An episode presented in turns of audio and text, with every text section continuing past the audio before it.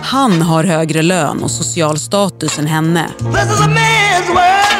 Så har det traditionellt sett ut i heterorelationer. Men i takt med att allt fler kvinnor utbildar sig förändras också parmarknaden.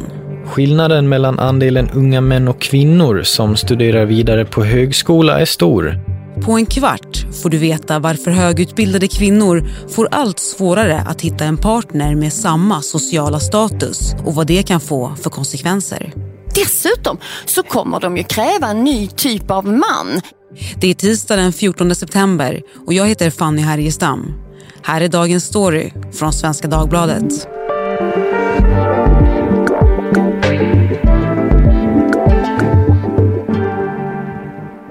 Lisa Renius, du är kulturchef här på Svenska Dagbladet.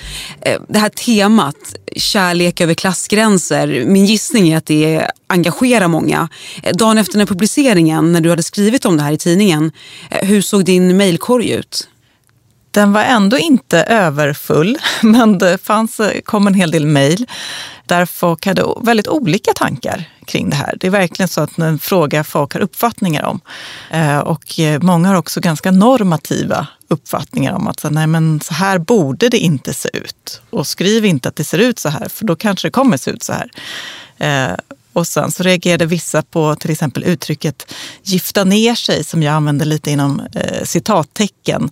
Eh, det kan jag själv tycka är ett eh, problematiskt uttryck. Men samtidigt så finns det en hel del som pekar på att det fortfarande finns uppfattningar om att kvinnor bör gifta sig med män som har ungefär samma eller högre social status.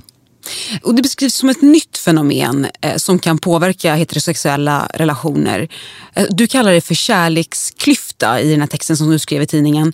Eh, det handlar om kvinnors utbildningsnivå och ren matematik. Förklara. Ja, det här är väl egentligen en utveckling som har funnits länge men som har blivit allt tydligare. Eh, och det handlar ju då om att eh, kvinnor utbildar sig i allt högre utsträckning än män och att de helt enkelt får svårare då att hitta partner som har samma utbildningsnivå som de själva. Det här var något som skribenten Oskar Andersson tog upp i tidskriften Kvartal för några år sedan. Han lyfte fram att tre av fem utexaminerade akademiker i Sverige framöver kommer att vara kvinnor. Och om alla de ska bilda familj innebär det att minst en tredjedel måste välja en partner utan högre utbildning. Det här var också det tema som Lisa Irenius skrev om i sin kulturkrönika nyligen under rubriken “Vilka män ska högutbildade kvinnor dejta?” Något som fick fart på diskussionen i flera medier. Så jag menar att vi i samhället behöver en normativ förändring där män kan vara stolta över att vara kärleksfulla. Kan man redan nu se förändringar i hur par bildas? Alltså att kvinnor har högre status än sina partners?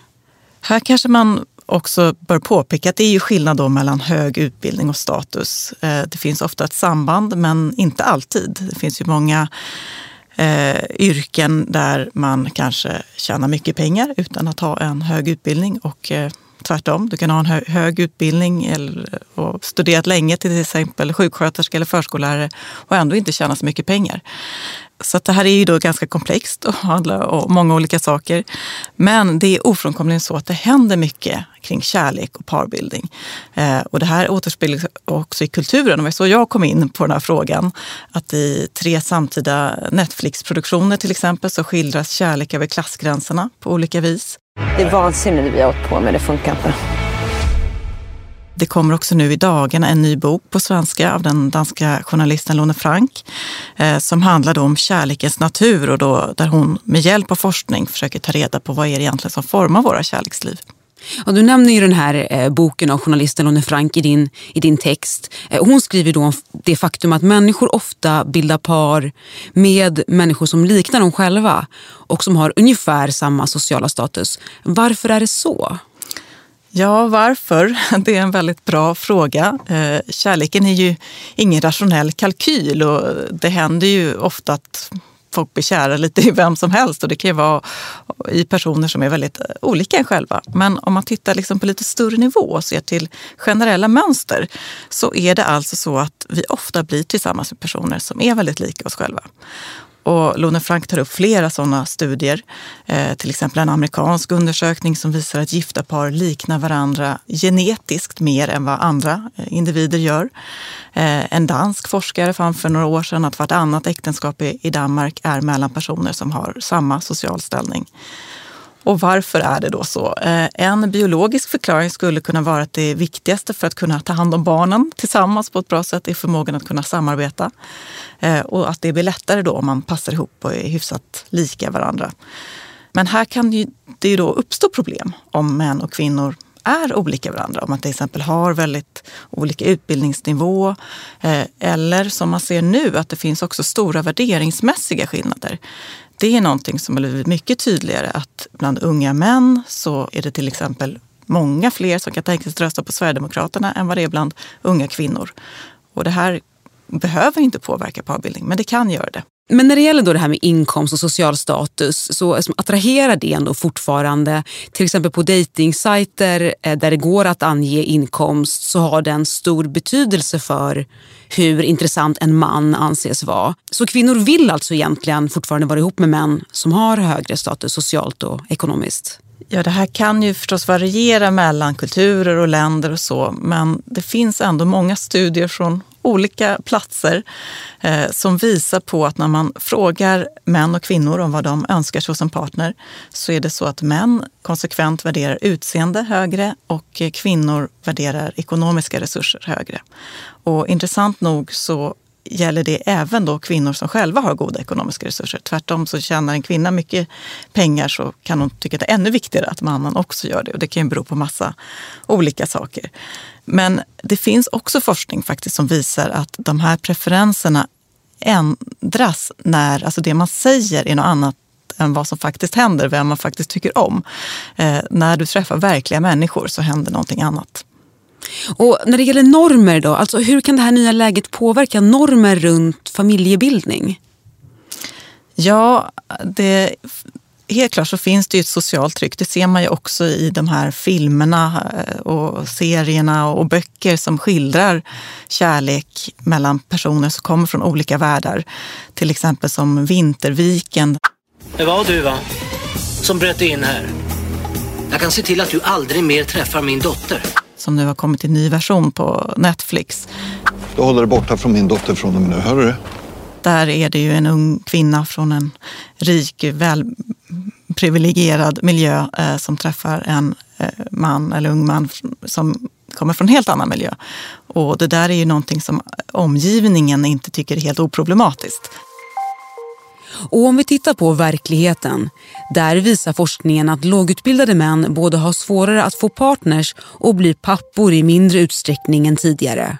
Det finns en växande grupp män i samhället som helt enkelt inte når fram i samhället, de når inte fram yrkesmässigt, de når inte fram utbildningsmässigt och som i förlängningen då hittar de inte heller någon partner som är intresserad av dem.